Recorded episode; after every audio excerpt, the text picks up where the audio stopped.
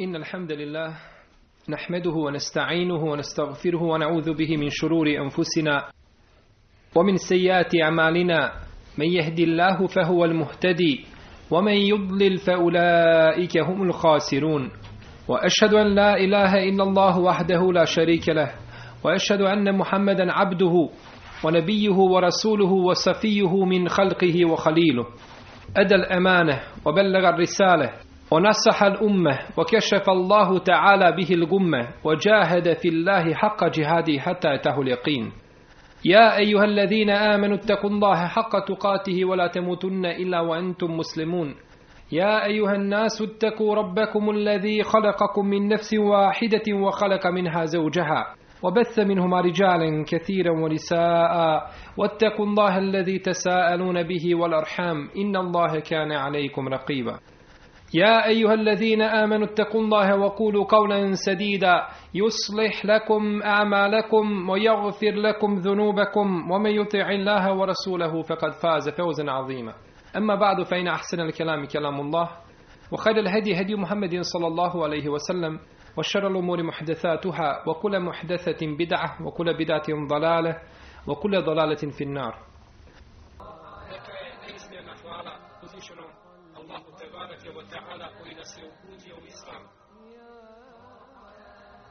Da slijedimo Kur'an, njegovu posljednju objavu, a potom nas je uputio da slijedimo sunnet poslanika sallallahu alaihi wa sallame.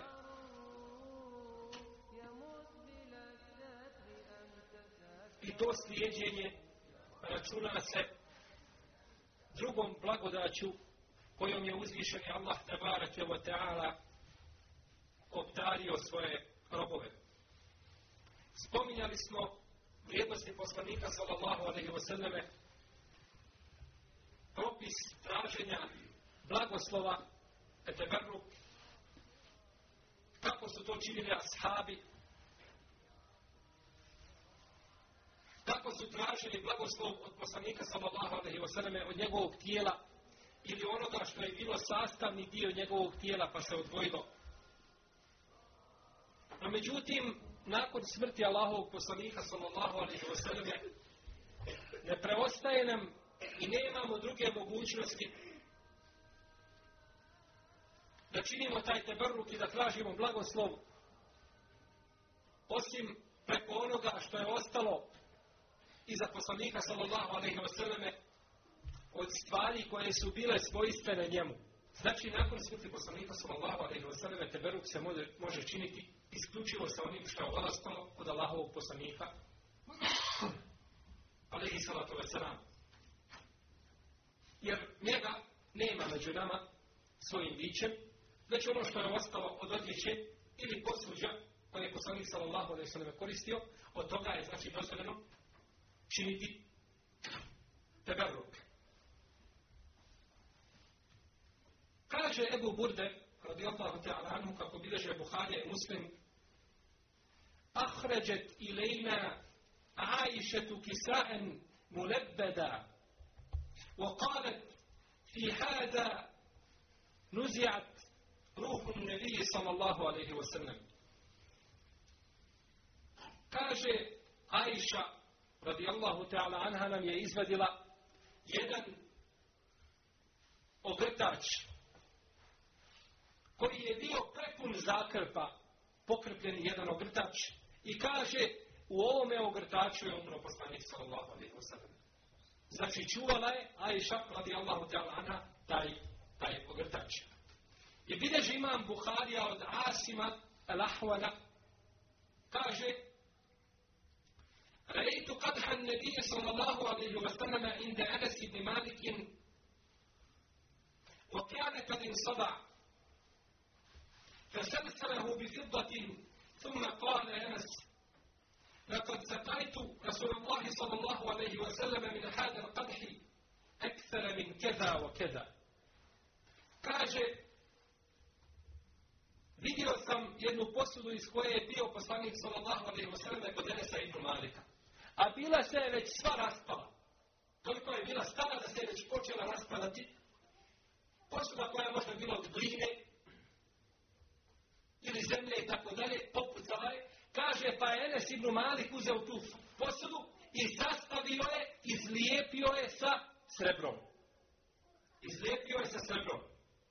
Pa je Enes ibn Malik radijallahu ta'ala anhu rekao, napojio sam poslanika sallallahu alaihi wa sallam iz ove posude toliko i toliko puta. Hoće kazati da je pojio često poslanika sallallahu alaihi wa sallam iz te posude. I bileži ima muslim u svome sahihu od Esme radijallahu ta'ala anha bintu Ebi Bekr da je jednog dana izvadila jedan crni ogrtač. Pa je kazala, هذه كانت عند عائشة حتى قبضت فلما قبضت قبضتها وكان النبي صلى الله عليه وسلم يلبسها فنحن نغسلها للمرضى ويستشفى بها kaže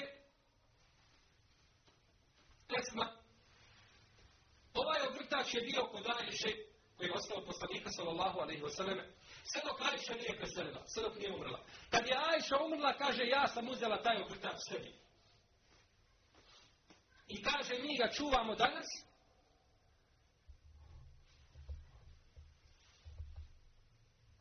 da bi njime tražili bereket i blagoslov za bolesnike. Bereket i blagoslov za bolesnike znači traži tim ogrtače. I bilježi imam Buharija u svom sahihu od Ise ibn Tahana od Ise ibn Tahmana kaže Ahređe ilajna Enes ibn Malikin na alejni džerdavojni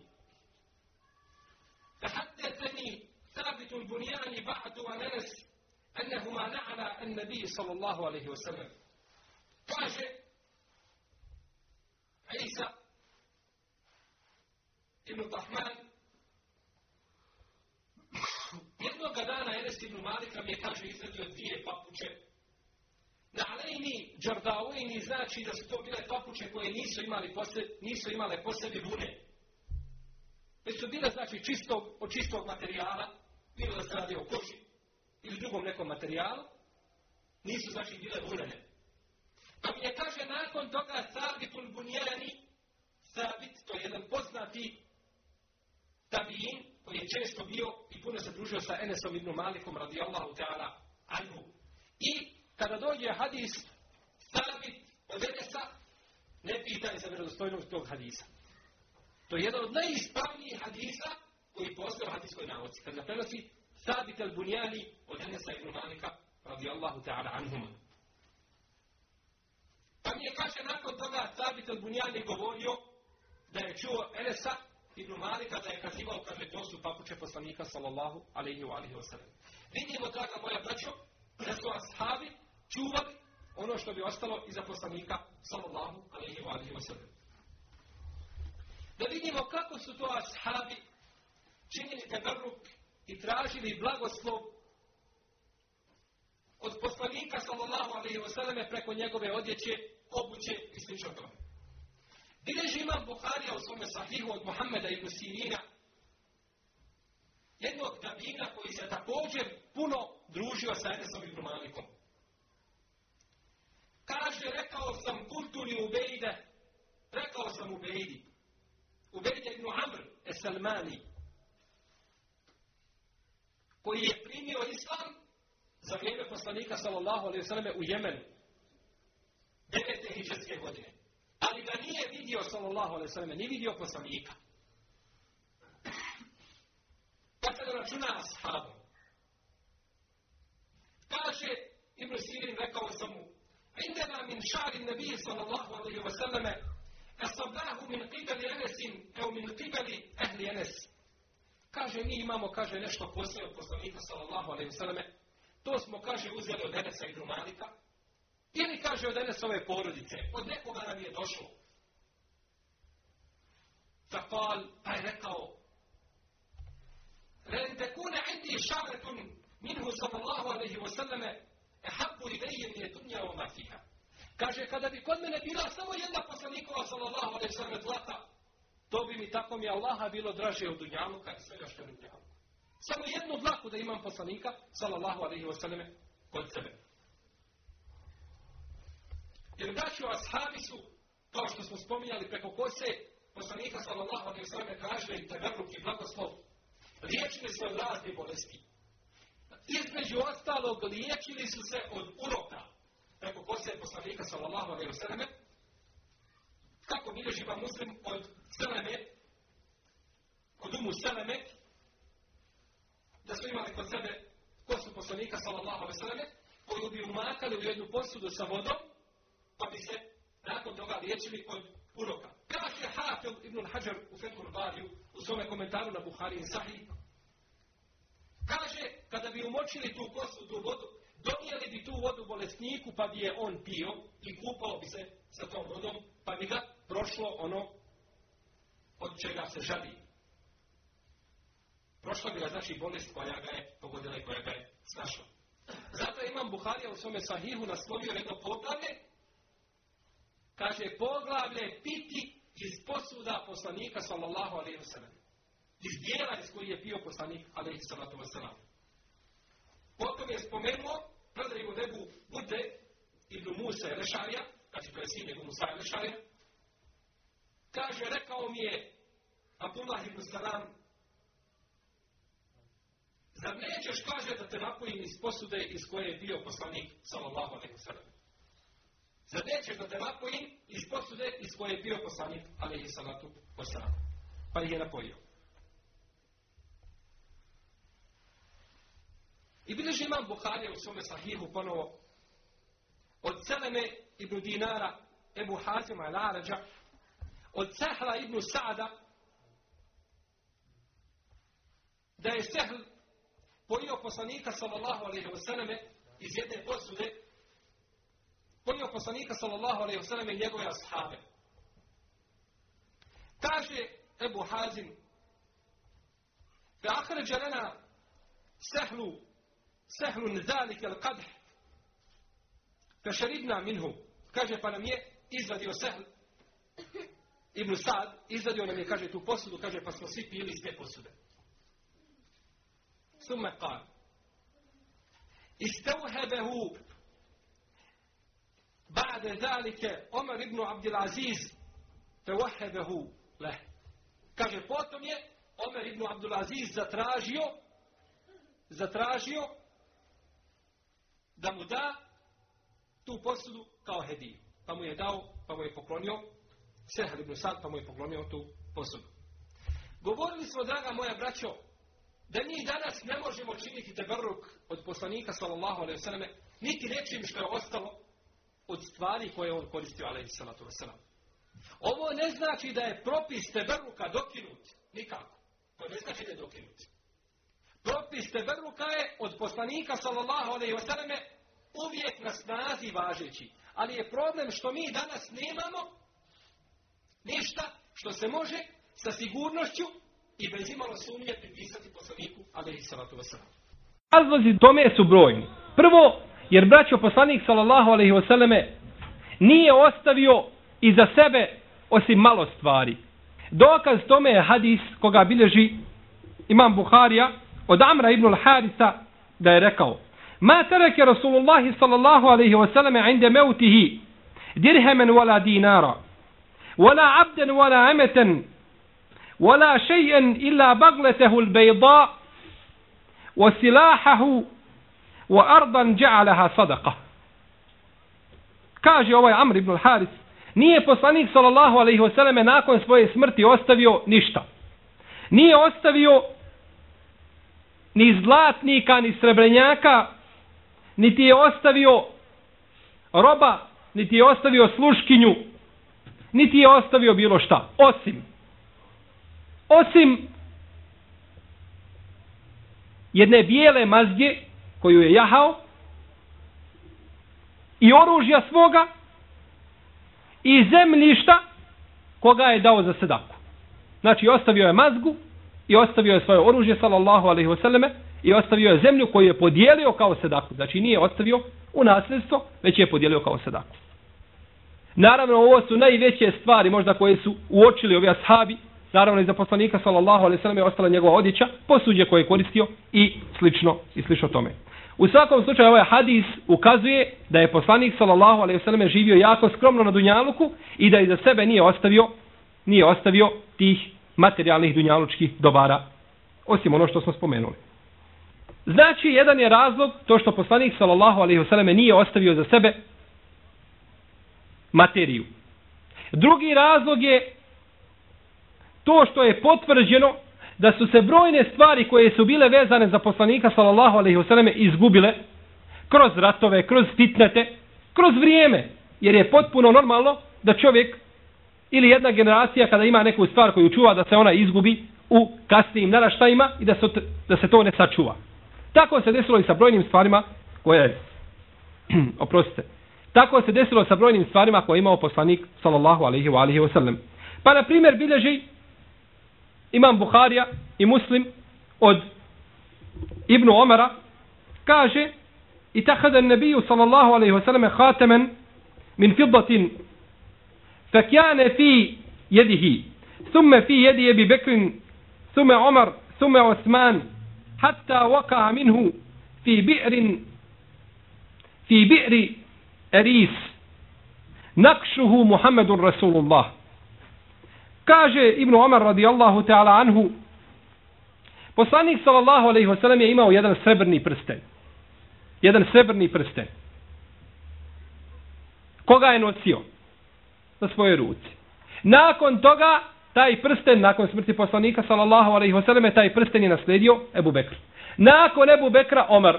Nakon Omara Osman radijallahu ta'ala anhu sve dok mu nije upao u jedan bunar medinski koji se zove Bi'ru Eris. Bunar Erisa.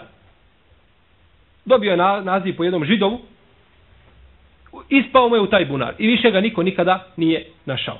Znači, neke su se stvari od poslanika sallallahu alejhi ve selleme gubile za vrijeme života Allahovog vjerovjesnika alejhi salatu veselam. Također u vrijeme Abasijske države izgubljen je ogrtač poslanika sallallahu alejhi ve selleme i njegov štab koji je nosio kada bi izlazio na Bajram. Ogrtač bi taj ogrnuo i nosio bi štap i izlazio bi na Bajram. I taj je ogrtač i taj štap oni su izgubljeni znači pod kraj Abasijske države, kada su ušli Tatari u Bagdad i zapalili muslimansku baštinu i kulturu 656. hijđarske godine, kako spominje imam Sujuti i drugi istoričari. Kaže imam Ibnu Kesir u svome dijelu El Bidaje on Nihaje u šestom tomu na osmoj strani. Kaže وقد تواسر بن العباس هذه البردة خلفا عن سلف وكان الخليفة يلبسها يوم العيد على كتفيه ويأخذ القضيب المنسوب إليه صلى الله عليه وسلم في إحدى يديه فيخرج عليه من السكينة والوقار ما يسطع به القلوب o jebheru bihi lebsar. Kaže Ibnu Ketir, Benu Abbas je nasleđivao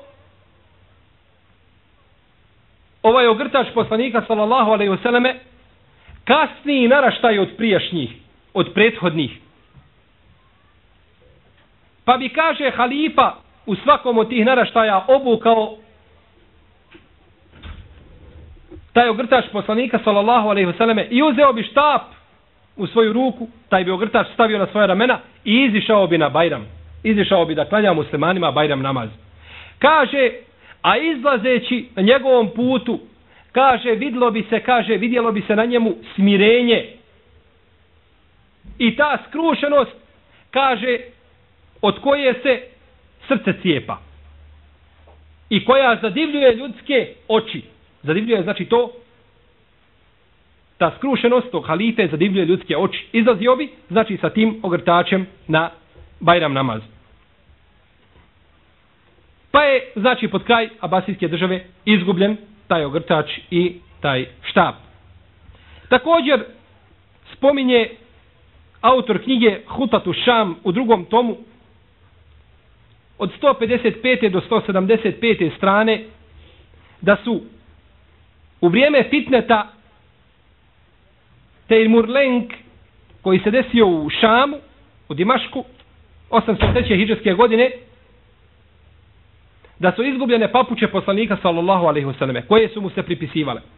Pripisivane su njemu, nije se moglo kategorički tvrditi da su to papuče poslanika sallallahu alaihi wasallam, ali bile ili ne bile u svakom slučaju one su one su izgubljene znači kroz fitnete koje su se dešavale u to kroz fitnete znači koji su se dešavale to vrijeme. Također od jedan od razloga koji je doveo da se izgube mnoge stvari koje su bile vezane za poslanika sallallahu alejhi ve selleme jeste to što je neko od ashaba ili tabiina koji je naslijedio neku poslanikovu sallallahu alejhi ve selleme stvar tražio da ga ukopaju sa tom stvari. Pa ako se radilo o ogrtaču, tražili su da ih zamotaju u kefine, da im od tog ogrtača znači učine kefine, pa bi bili ukopavani. I tako su nestajale stvari poslanika, sallallahu alaihi sellem. U brojnim braćo danas islamskim zemljama, muslimanskim, govori se da imaju stvari koje se pripisuju poslaniku sallallahu alejhi ve sellem da su njegove poput njegove kose, odjeće i tako dalje. Pa naći ćete u nekim zemljama da se čuva ta kosa u posebnim sanducima. Posebni sanduci, u njima se čuva ta kosa u staklu i to se vadi jedan put ili dva put godišnje i onda se prave posebne proslave. I to se obilježava na novotarski način a ne može se potvrditi sigurno da je to da je to nešto što je vezano za poslanika sallallahu alejhi ve selleme i ako jeste onda se onda se čini znači ta proslava i onda se obilježava to na nepropisan, na nepropisan način. A ne može se, kažem opet, ne može se kategorički tvrditi, za to bi morali imati nepobitan dokaz da je to vezano za poslanika sallallahu alejhi ve selleme, a odakle nama, odakle nama takav dokaz.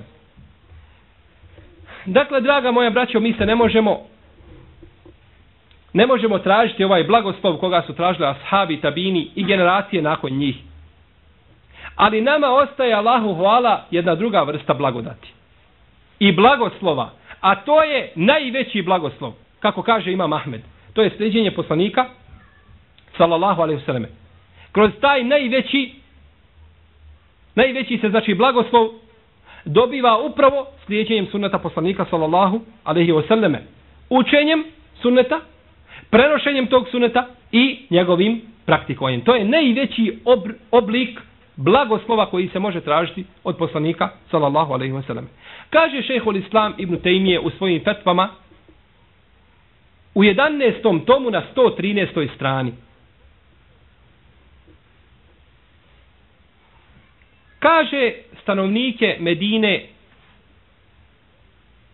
je zadesio veliki blagoslov i veliki bereket samim time što su povjerovali u poslanika sallallahu alejhi ve selleme i što su mu se pokorili. To im je donijelo sreću na ovome i budućem svijetu. A onaj ko povjeruje istinski o poslanika sallallahu alejhi ve selleme i bude ga slijedio, to će mu donijeti blagoslova i bereketa koga zna samo uzvišeni Allah dželešanu. I na dunjalu i na ahiretu. Imaće znači koristi na oba dva svijeta. Dakle, taj bereket i taj blagoslov ostaje u sljeđenju sunneta poslanika sallallahu alaihi wasallam i to je najveći oblik i to je najveći oblik a, teberruka, odnosno traženja blagoslova od poslanika sallallahu alaihi wa alaihi wasallam. I na kraju nam, braćo, samo preostaje još jedno pitanje. Iako predaje koje govore o Teberuku su brojne, moglo bi se o njima dugo govoriti, a nama je bio cilj samo da spomenemo najispravnije predaje koje su zabilježene u dva sahiha ili jednom od njih. Ovdje nam ostaje još samo jedno bitno pitanje, a to je da li se može analogno poslaniku sallallahu alaihi wasallam tražiti Teberuk i blagoslov od ashaba, tabijina, učenih, dobrih i tako dalje. Ili taj propis vrijedi eksplicitno za Allahovog poslanika sallallahu alaihi wa sallam. Allahov vjerovjesnik alaihi salatu wasallam je odobrio ashabima da čine teberruk od njega, od njegovu kosu, njegovu pljuvačku i tako dalje. Ne samo to, već im je naredio, kao što smo spominjali u jednom od hadisa, naredio im je da čine teberruk. No međutim, da li su to, draga moja braćo, ashabi činili sa drugima? Među sobom, sa onima koji su dolazili nakon njih i tako dalje. Odgovor je, nisu. Nema ni jedne jedine predaje koja je ispravna sa ispravnim lancem prenosilaca u kojoj su ashabi činili teberuk jedne od druge. Da su tražili, znači, blagoslov jedni od drugi. To nisu činili najbolji od njih sa onima koji su bili na nižim deređama, niti obrnuto. Hulefaj Rašidini su bili. Preostalih deset koji su obradovani sa džennetom, učesnici Bedra, Uhuda i tako dalje, nikada nisu jedni sa drugima činili te baruk i tražili, znači, taj blagoslov.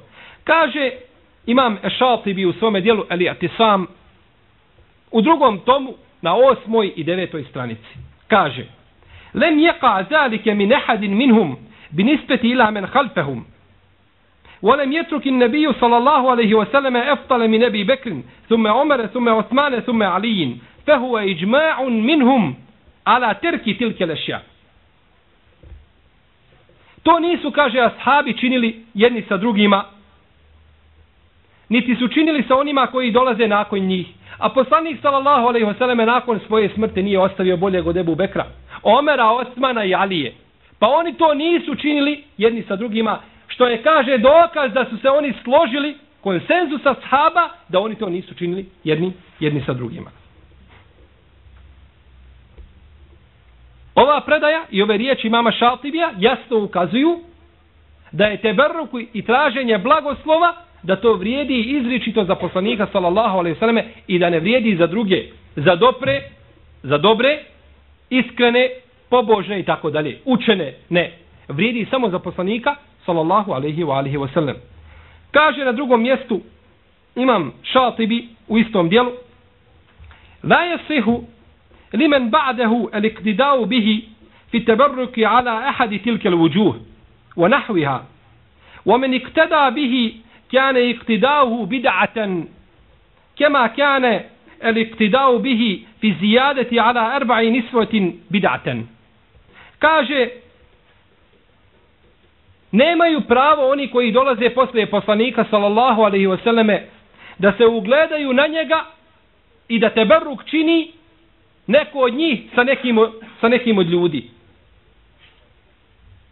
Bilo o kom te baruku da se radi.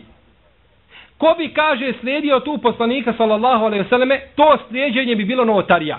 Kao što bi bilo njegovo slijedjenje u ženjenju više od četiri žene novotarija. Kada bi čovjek kazao ja sledim poslanika sallallahu alejhi ve selleme i želim da imam četiri žene. Oprostite, devet žena ili osam ili šest. Kazali bismo mu to slijeđenje tvoje novotarija. Novotarija i ružan postupak. Jer to vrijedi izričito poslaniku sallallahu alejhi ve selleme, e ista stvar je sa teberrukom. Ne vrijedi ni za koga drugog. Osim za Allahov poslanika sallallahu alejhi ve selleme. A kaže Ibn Ređep el-Hambeli u svome dijelu na hukmu na 55. strani. Ashabi to nisu činili jedni sa drugima, niti sa onima koji su dolazili nakon njih. Niti su to tabijini činili sa ashabima, poznavajući dobro vrline i odlike ashaba. Što ukazuje jasno da se to čini samo sa poslanikom, sallallahu alaihi wa alihi wa sallam. Jer braćo da je u tome bio hajr i da je to bilo propisano, mislite li bi vi da, da bi tabijini to propustili, a da ne tražete beru kod ashaba? Smatraju li generacije koje dolaze nakon tabina da su oni pobožniji i bolji i veći mu'mini i bolji poznavaoci Kur'ana i sunneta od tabina? Sigurno nisu. A tabini su to ostavili. Niko od njih to nije činio, ni jedan jedini. Mujahid koji je imao 90 šehova ashaba. Nikada to nije učinio. Zar bi on propustio tako, takvu blagodat da činite berru kod Ibnu Abbasa, kome je poslanik sallallahu alejhi ve sellem učio dovu? Od Enesa koji je govorio, ima moje djece stotine. Moje djece i moje unučadi ima ih preko stotinu. Moj metak je veliki. To je dova poslanika sallallahu alejhi ve selleme, čiji se tragovi vide na Enesu Ibnu Maliku. Pa zar bi propustio Muhammed ibn Sirin, i Sabitul Bunjani i drugi da traže teberu kod Enesa ibn Malika nikako, to bi činili sigurno. No međutim, nisu to činili. Niti su ashabi tražili da to ko od njih čini. Što znači da su ostavili, da su ostavili takvo djelo.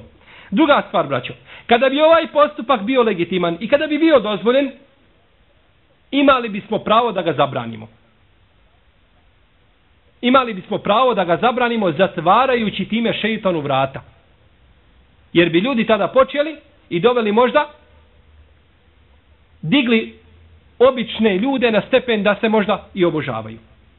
A to je a, znači to bi se učinilo zbog sedu ezaraja. Sedu zaraja je jedna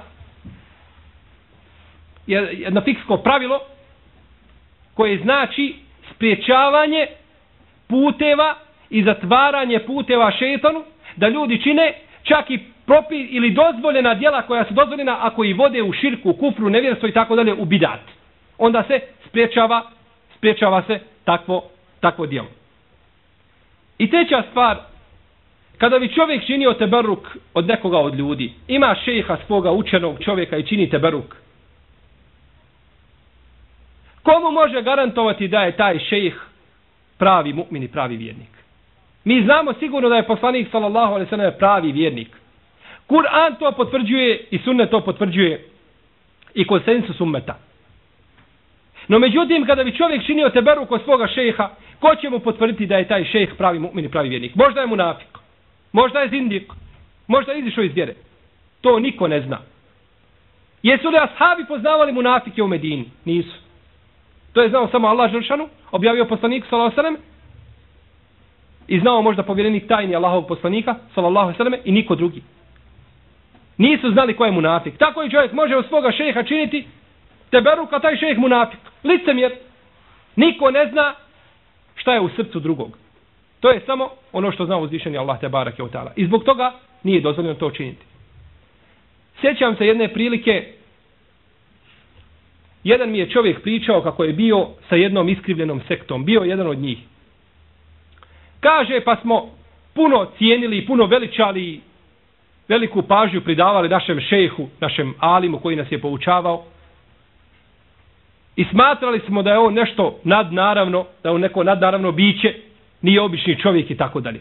Kaže jedne prilike, a ja sam, kaže, bio dječak u osnovnoj školi. I kaže, pošao sam, kaže, pošao sam, kaže, u školu i vidio sam, kaže, toga šeha našeg učitelja, kaže, da ore zemljište iza svoje kuće neposredno, prikačio je magarca za plug i ore zemljište.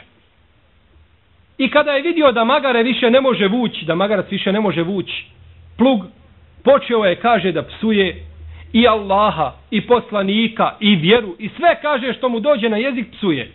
A kaže, ja sam prolazio tuda. Ovo mi je pričao čovjek lično koji je to čuo. Kaže, pa sam, kaže, zastao pored ograde i kaže, slušam šta govori. Kaže, psuje Allaha i psuje poslanika. Zakačio magare za plug, da ore zemljište koje ne može tenk i buldužer zajedno orati. Može li magare po pustinji orati? I onda psuje Allaha Đelešanu i poslanika. Pa kaže, okrenuo sam se i otišao, kaže, do svoga komšije i pozvao ga. Jednog, kaže, mladića koji je bio sa mnom i dolazio u halke kod toga šeha. Kaže, pa sam rekao, kaže, dođi sa mnom, kaže, da poslušaš, kaže, šta govori šeha. Kaže, pa smo stali pored ograde, a on kaže uvijek i dalje psuje. Allaha, poslanika, vjeru i sve drugo. Ništa ne ostavlja. Kaže, pa sam mu rekao, e, kaže, to je naš šejh, kaže, pred kojim mi učimo znanje, koji nas poziva ahlaku, vjeri i tako dalje. Eto, kaže, koga mi slijedimo. Pa je, kaže, okrenuo se, kaže, ovaj momak, kaže, i kaže, onako drsko pogledao, kaže, u mene, i rekao, kaže, a otkud ti znaš šta je u njegovom srcu? On jeste psuje Allaha i psuje poslanika i psuje vjeru i Kur'an i sunnet, ali ti ne znaš kako je njegovo srce. Volovsko. Srce onoga magareta je bolje nego njegovo. Jer da ima srce i da ima u tom srcu išta, nikada ne bi sebi dozvolio da ružno pomisli, a ne da opsuje ili Allaha Đalšanu ili poslanika sallallahu alaihi sallam ili nešto od vjere. Jer je to kufur i nevjerstvo u Allaha te barake o teala. Dakle, braćo, teberruk je dozvoljeno činiti isključivo sa poslanikom sallallahu alejhi ve selleme jer je on jedino bezgrešno biće u pitanjima vjere On je taj koga je uzvišeni Allah te bareke ta'ala pohvalio u Kur'anu i umet islamski je složan da je poslanik sallallahu alejhi ve selleme najbolje biće koje je ikada kročilo za kuglom.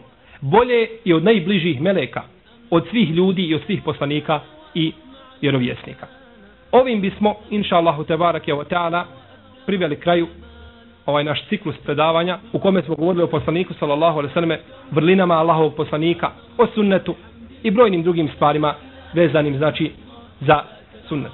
Molim uzvišenog Allaha te bareke ve taala da nas učini od iskrenih sledbenika sunneta poslanika sallallahu alejhi ve selleme da budemo od onih koji se bore za sunnet, koji ga praktikuju u svom životu i koje će uzvišeni Allah te bareke ve taala usmrtiti na sunnetu. Wa sallallahu ala nabina Muhammed wa ala alihi wa ashabihi ajma'in. Wa jazakumullahu khairal jazaa.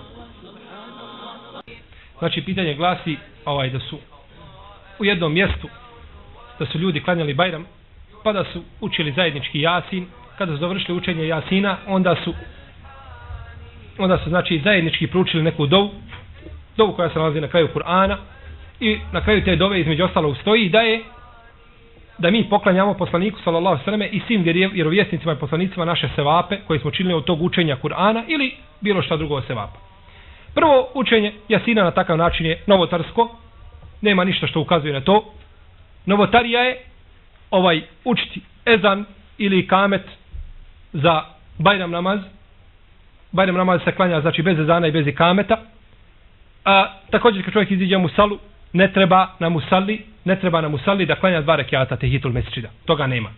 Tehitul mesčida klanja samo u džami. Kad se vani klanja, nema, go, skoro da nećete vidjeti čovjeka da ne klanja dva rekiata. Dođe u džamiju i sjedne ko kokoš na svoje gnjezdo i ne klanja dva rekiata Allahu Đelešanu, a kada ga vidiš na musali gdje ne treba klanjati, gdje nije odpropisano da se klanja, onda iziđe i klanja. Kaže Ibn Abbas radijallahu ta'ala anhu, izišao je poslanik sallallahu alaihi sallam i klanjao Bajram namaz nije klanjao ni prije Bajrama ni posle Bajrama ništa. Nema namaza. On klanja. Kada treba klanjati, ne klanja. Kada ne treba klanjati, treba. I tako. Sve se izvrne i sve se pomiješa. To je jedno. Nakon toga dova koja sledi isto tako. Dova završetka Kur'ana izmišljena stvar, ljudi je izmislili, stavili je, opterećavaju ljudima vjeru, pa ljudi ostavljaju dove koje su sunneta, a uzmeju dove koje nisu sunneta, i tako je, znači tako se polako, tako blijedi i ovaj, ovaj izlazi iz prakse sunet, sunet poslanika sallallahu alaihi wa alaihi wa sallam. Nakon toga, da li je dozvoljeno čovjeku da on prouči Kur'an i da pokloni, to je sevape poslaniku sallallahu alaihi wa alaihi wa sallam. Prvo, učenje Kur'ana mrtvima nije propisano. Po najjačem mišljenju da to nije propisano i to nije činio niko od prvih generacija. Ni ashabi, ni, ni tabini, niti bilo ko od prvih najboljih generacija nisu učili Kur'an mrtvima. Dova se čini mrtvom i to je ono što se navodi u hadisima poslanika sallallahu alaihi sallam. Dalje, čovjek koji poklanja poslaniku sallallahu alaihi sallam fatihu ili suru ili jasin niti zna ispravno učiti Kur'an. Uči Kur'an kao novine kada čita. Niti razumije to što uči, niti razumije to što uči. I da razumije to što uči, ne zna tefsir toga što uči, jer nije dovoljno on samo razumije tajet. Ponekad se mora znati i tefsir toga ajeta. Znači, tu je skupina stvari koje sprečavaju da tako djelo dođe do poslanika, sallallahu alejhi ve sellem. Jer ti kad bi htio pokloniti nešto Allahovom poslaniku, moraš pokloniti nešto najbolje, najsavršenije, da bi to moglo biti primljeno. Ako je već primljeno. A kako onda kada nije primljeno nikako? Također, vjerovjesnicima i poslanicima i tako dalje, pa često čujemo ljudima kaže Fatiha za šehide. Allahu ekbar, šehid 72. Na sudnjem danu će mu sa prvom kapi krvi samo biva oprošteno sve. Bez grijeha dolazi pred Allaha na sudnji dan. Ulazi u, pola, u dženet bez polaganja računa. Neće u kaburu imati nikakve, ovaj, neće kaburski strahota osjetiti. Ulazi u dženet, direktno u dženet. I sad dođe čovjek pocrnio od grijeha, od glave do pete. I onda kaže, ja svoju dovu ili svoju fatihu, koju je sklepeto, kaže, poklanjam je šehidima, ili poklanjam je poslaniku, sallallahu sallam, ili tako dalje. To su stvari u najmanju ruku smiješne i to je džehl koga se ljudi trebaju proći i trebaju se poučiti vjeri, pa trebaju praktikovati sunnet. I to, braćo, dolazi onda kada nestane sunnet iz prakse. Pa kada god nestane sunneta, dolazi bidat. I to se navodi u nekim predajama koje su slabe s obzirom na lanac prenosilaca, ali sigurno njihovo značenje je ispravno. Koliko god se umanji od sunneta, to mjesto popuni bidat. To mi je kao jedno polje koje je iskockano, da ne kažemo kao šahovsko polje, jer ne volim igrati šah, jel tako? Šah nije dozvoljen. Ali, kao polje iskockano, pa kada god izvadiš nešto, jednu kocku, nešto dođe na to mjesto. To se mora nečim popuniti. Ne može biti prazno, zamrznuto, da nema ništa. Ili će biti sunet, ili će biti bidat. U jednoj kući. Ili će biti džini i šeitani, ili će biti meleki. Ne može nikako biti da je prazna, da nema ništa u njoj. Jedno mora biti. Pa ako je pas i slika u toj kući, i ako je alkohol u toj kući, nećemo kazati ako je televizor u toj kući. Onda meleki neće tu ulaziti. Ali ako je u toj kući Kur'an, Islam, Terbija, onda sigurno da će tu kuću ispuniti meleki, inša Allah. Zato, obaveza nam je, braćo, da prenesemo ono što znamo od vjere od sunata poslanika, sallallahu alaihi, alaihi wasallam, jer ljudi to čine što su zatekli svoje pretke na tome.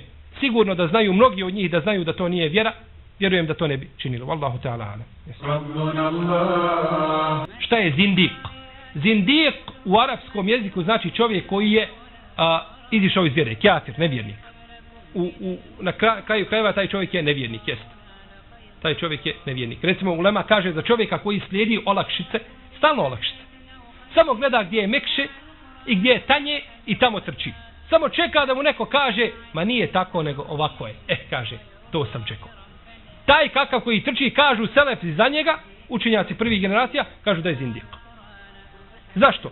Jer njegova će vjera na kraju ostati, šta? Med i mlijeko. Ništa u vjeri nema teško. Jer uvijek je neki učenjak na jednom mjestu posrnu, zastao i tako dalje. Navodi se u nekim predajama kako bilježi imam El Bejherti i to spominje imame Šaukjani u Iršadul Fuhul i drugi. Kaže da jedan čovjek došao od Celepa došao kod jednog vladara i kaže, evo knjige je pokazao mu knjigu, kaže, ovo je knjiga, kaže, u kojoj su skupljene, sve kaže, olakšice u leme. I zeleli, to su zeleli, to su a, promašeni ičtihadi. Pa kaže, kaže mu ovaj učenjak, kaže, autor te knjige je zindik. Autor te knjige je zindik i naredio da se ta knjiga spali. Jer šta će onda čovjek ostati od vjere? Sve je dozvoljeno, ništa nije zabranjeno. Jer je uvijek neki od islamskih učenjaka da se Allah svima njima smiluje i nama sa njima, iako mi nismo učenjaci, ovaj, a promašio u svome ičtihadu, kazao nešto što je oprešno Kur'anu i sunnetu i onda bi na kraju vjera bila promijenjena. E za tako kažu da je zindik. Znači zindik je čovjek koji je izišao iz vjere. Zindik čovjek može biti koji, uh, koji opsuje Allaha Đorša. Znači može se smatrati zindikom svako onaj ko iziđe ovaj iz vjere. Jesu. Znači da li imaju sablje, da li ima nešto što je sačuvano od poslanika sallallahu alejhi ve selleme. Ništa nema danas što bismo mogli kategorički tvrditi da je od poslanika sallallahu alejhi ve selleme. E to nema. Ima i stvari koje se pripisuju, to je od poslanika alejhi ve to je Nadal ćemo na broj na brojne stvari se nailaze koje je svako pripis, svako vuče sebi. Recimo pećina, ona u kojoj su bili oni uh, momci, kažu da je u Jordanu. Kažu da je u Jordanu. Turci kažu kod nas je u Turskoj. A u Siriji kažu u Šamu, kažu kod nas je u Siriji. I gdje god da dođeš, kažete, pa pogledajte kuranske ajete, kako opisuju sunce, kako bilježu, kako se zaključuje položaj pećine. Pogledajte sve, to je kod nas, ne može nigdje drugo biti. Kad kažu, Jordanci kaže, to samo može biti u Jordanu, nigdje drugo. Kažu Turci, Bože sačuvaj. To je kod nas u Turskoj, to je jasno, to se zna, to je poznato kroz istoriju. A onda dođu Sirici, pa se raspravljaju sa jednima i sa drugima. Znači, ali ko može 100% potvrditi da je to, to? Niko. Na jednom mjestu nađu lađu, koja je istruhla, datira iz davnih vremena, kaže ovo je lađa Nuha, ale i. Ko može potvrditi 100%? Ko može potvrditi 100% da je to lađa Nuha, ale i? Niko. Niti nas to zanima. Jer da nas je to zanimalo i da nam je to trebalo, poslanik sallallahu alaihi sallam to nama fino objasnio i rekao. Neki od ashaba su vidjeli pregradu kojom su zatvoreni je džuž i međuđ. I kada je vidio to, je li izgledala tako i tako, kaže poslanik sallallahu alaihi sallam, kaže jeste, u starom asab kaže da je tako i tako izgledala, kaže jeste vidio si. Ali mi ne znamo gdje je ona. Niti imamo potrebe da je tražimo, niti imamo potrebe da tražimo deđala i sliče stvari. To nas ne zanima. To nas znači ne zanima. Tako da nema ništa što se može tvrditi kategorički da ostalo od poslanika sallallahu alejhi ve selleme, a ako bismo povjerovali u sve što ljudi tvrde da jeste od poslanika alejhi salatu selam, danas bi više stvari bilo kod od Allahovog poslanika sallallahu alejhi što je ostalo nego pet puta nego što je ostalo iza njegove smrti. Umnožilo se vjerovatno nakon smrti. Znači, pitanje glasi šta se uči kad se ulazi u groblje? Šta se uči kada se uči u groblje? Isto se uči što i kada prolaziš pored groblja, dova. Dova znači ima koja se prouči, selam se nazove i ovaj dova koja ima ustaljene dove, znači imaju koje kada se ulazi u mezarje, ovaj može se proučiti dova. Nema posebnih zikrova kada čovjek ulazi u mezarje ili zikrovi koji se uče posjećivanjem mezara, toga nema. Nije dozvoljeno. Na, na mezaru nije dozvoljeno učiti Kur'an. Ovaj, svi hadisi koji je dogovorio o tome su slabi. Ima otprilike tri ili četiri hadisa.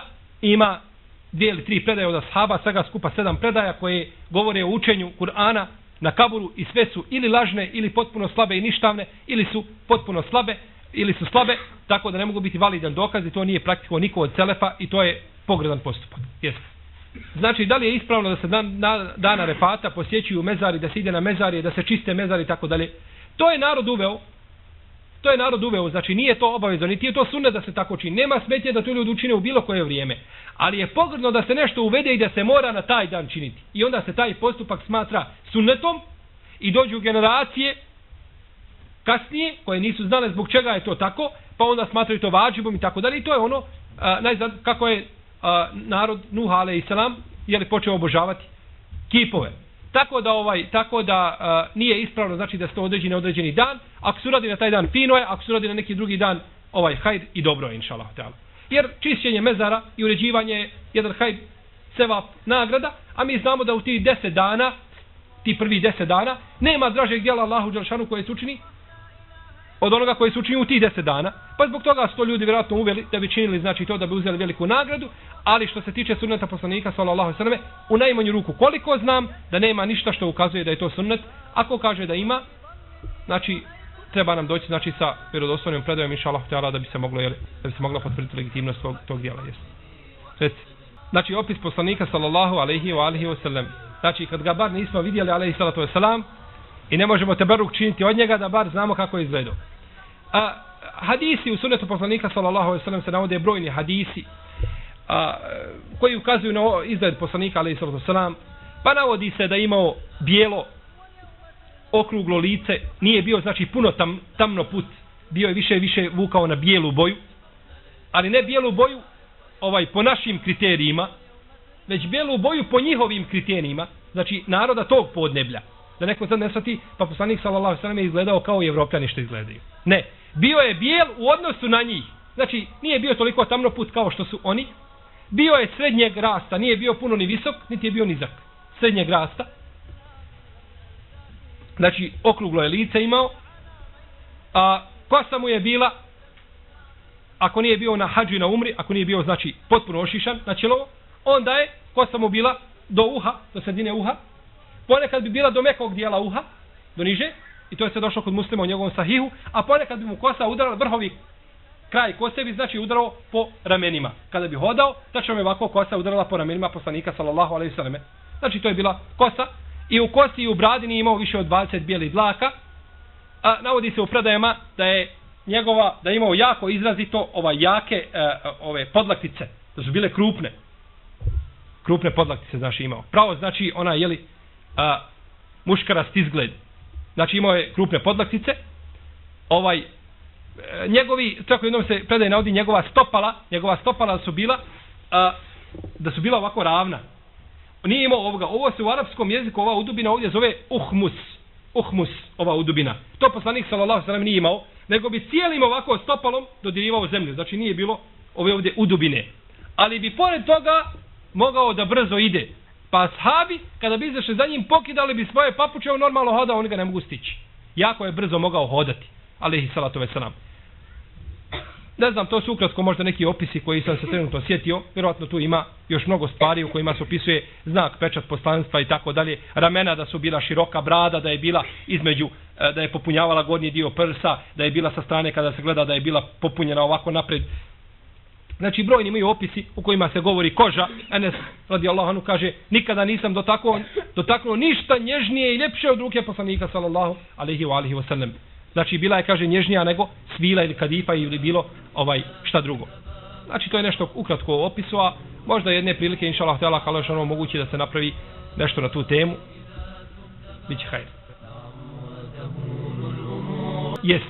Donio čovjek, sallallahu ala Muhammed, Allahume salli ala Muhammed wa ala Muhammed, Allah, sallallahu alejhi salatu vesselam. Bilo šta da se izgovori braćo donosi donosi se znači salavat se donosi bilo da se kaže Allahume salli ala Muhammed kema salli ala Ibrahim. Znači da govori one salavatul Ibrahim one uh, salavate Ibrahimije da donosi što uči na tešehudu ili da kraćim riječima kaže donese salavat. Bitno je da donese salavat na poslanika sallallahu alejhi ve selleme sve se to smatra znači sve se to smatra salavatima i sve je to dozvoljeno činiti ovaj nije obavez za čovjek znači da izgovara uvijek one duže je li duže one salavate osim ako postoji dokaz da se ti duži salavati uče na određenom mjestu kao što se uči na tešehudu. Jeste. Prvo mi kada govorimo ovaj o stvarima, znači kada prenosimo, kažemo, slušali smo jednog hatiba koji je rekao da Bajram namaz to i to, pa navedemo hadis, ne moramo spomenuti imena, nas imena ne zanimaju. Ovaj, naravno kada se radi, znaš, ako se radi o pohvali, onda uvijek spomenemo neku pohvalnu stvar, onda uvijek spomenemo ime, jer to vuče naša srca, da cijenimo toga čovjeka, da ga poštujemo, da ga volimo i tako dalje. A kada se spominje nešto što je možda, možda eventualno bi moglo u nečim očima da umanji vrijednost čovjeka i tako dalje, onda se tu ne spominju, onda se tu ne spominju imena. Pogledajte, braćo, riječi Hafila ibn al-Hajara u Fethul Bario. Kaže, jedne prilike sam, kaže, odlučio da sakupim imena svih ashaba nad kojima je izvršena šarijetska kazna sihaska ashaba nad kojima je izvršena širijska kazna. Da samo pokupim imena i da kažem izvršena je kazna nad njim zbog toga i toga.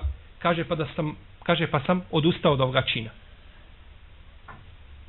Odustao sam od onoga što sam naumio. Zašto? Kaže zato što je osnova kod muslimana da se pokriju. I da se sakriju. I da se ne spominju njihova imena tamo gdje su šta? Pogriješili. Da se ne spominju njihova imena. Pa dobro, ashabi su umrli, pa to je vjera. Neka je.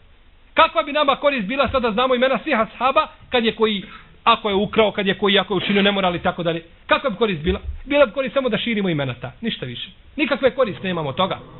E znači tu je osnova, pa kaže pa sam odustao od onoga što sam naumio i kaže neću, kaže, napisati tako djelo. Velika bi korist bila, to nije lahko doći do tih predaja. To samo može Hafiz Hajar, to ne može svako. Da pokupi sve, to treba prevrnuti sve knjige, istorije, sire, E, hadijske zbirke sa lancima prenosilaca i tako dalje, da bi se moglo doći do svih tih predaja. No međutim, odumio je od tog i odustao od tog čina, da ne bi znači otkrio neko e, ime nekog od ashaba. Znači to je jedno. U svakom slučaju taj hadijs koga stavio Allah se nagradio, navodi se u knjigama, ovaj, ispominje se često, treba provjeriti vjerodostojnost hadisa. Znači trebalo se vratiti da se potvrdi tačno i ispita vjerodostojnost hadisa. Sada ovdje ne bih mogao kazati njegov stepen. Pa ako je ispravno, elhamdulillah, hajr i dobro. Ako nije ispravno, da Allah oprosti svima nama, samo je poslanik sallallahu alaihi sallam ne pogreši. Jesu. Da li ispravan hadis kome poslanik sallallahu alaihi sallam kaže učite svojima umrlima jasin.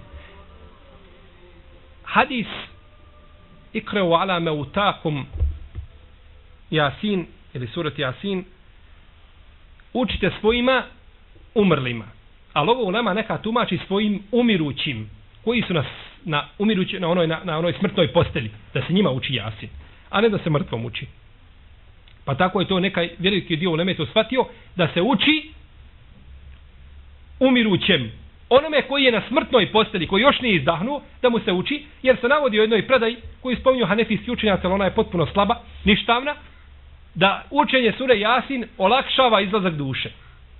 No, međutim, ta predaja je potpuno slaba i ništavna i nije, nije dozvan rad po njoj. Već se hadis treba razumjeti ispravno razumijevanje hadisa jeste učite svojim umirućim, onima koji su na smrtnoj posteli, suru jasin. Tako je ispravno razumijevanje hadisa. No, međutim, pored toga, taj hadis je slab. Pored toga, taj hadis je slab, ima prekinut lanac prenosilaca i o njemu smo opširno govorili u knjizi o dženazi, inša Allah. Jesu.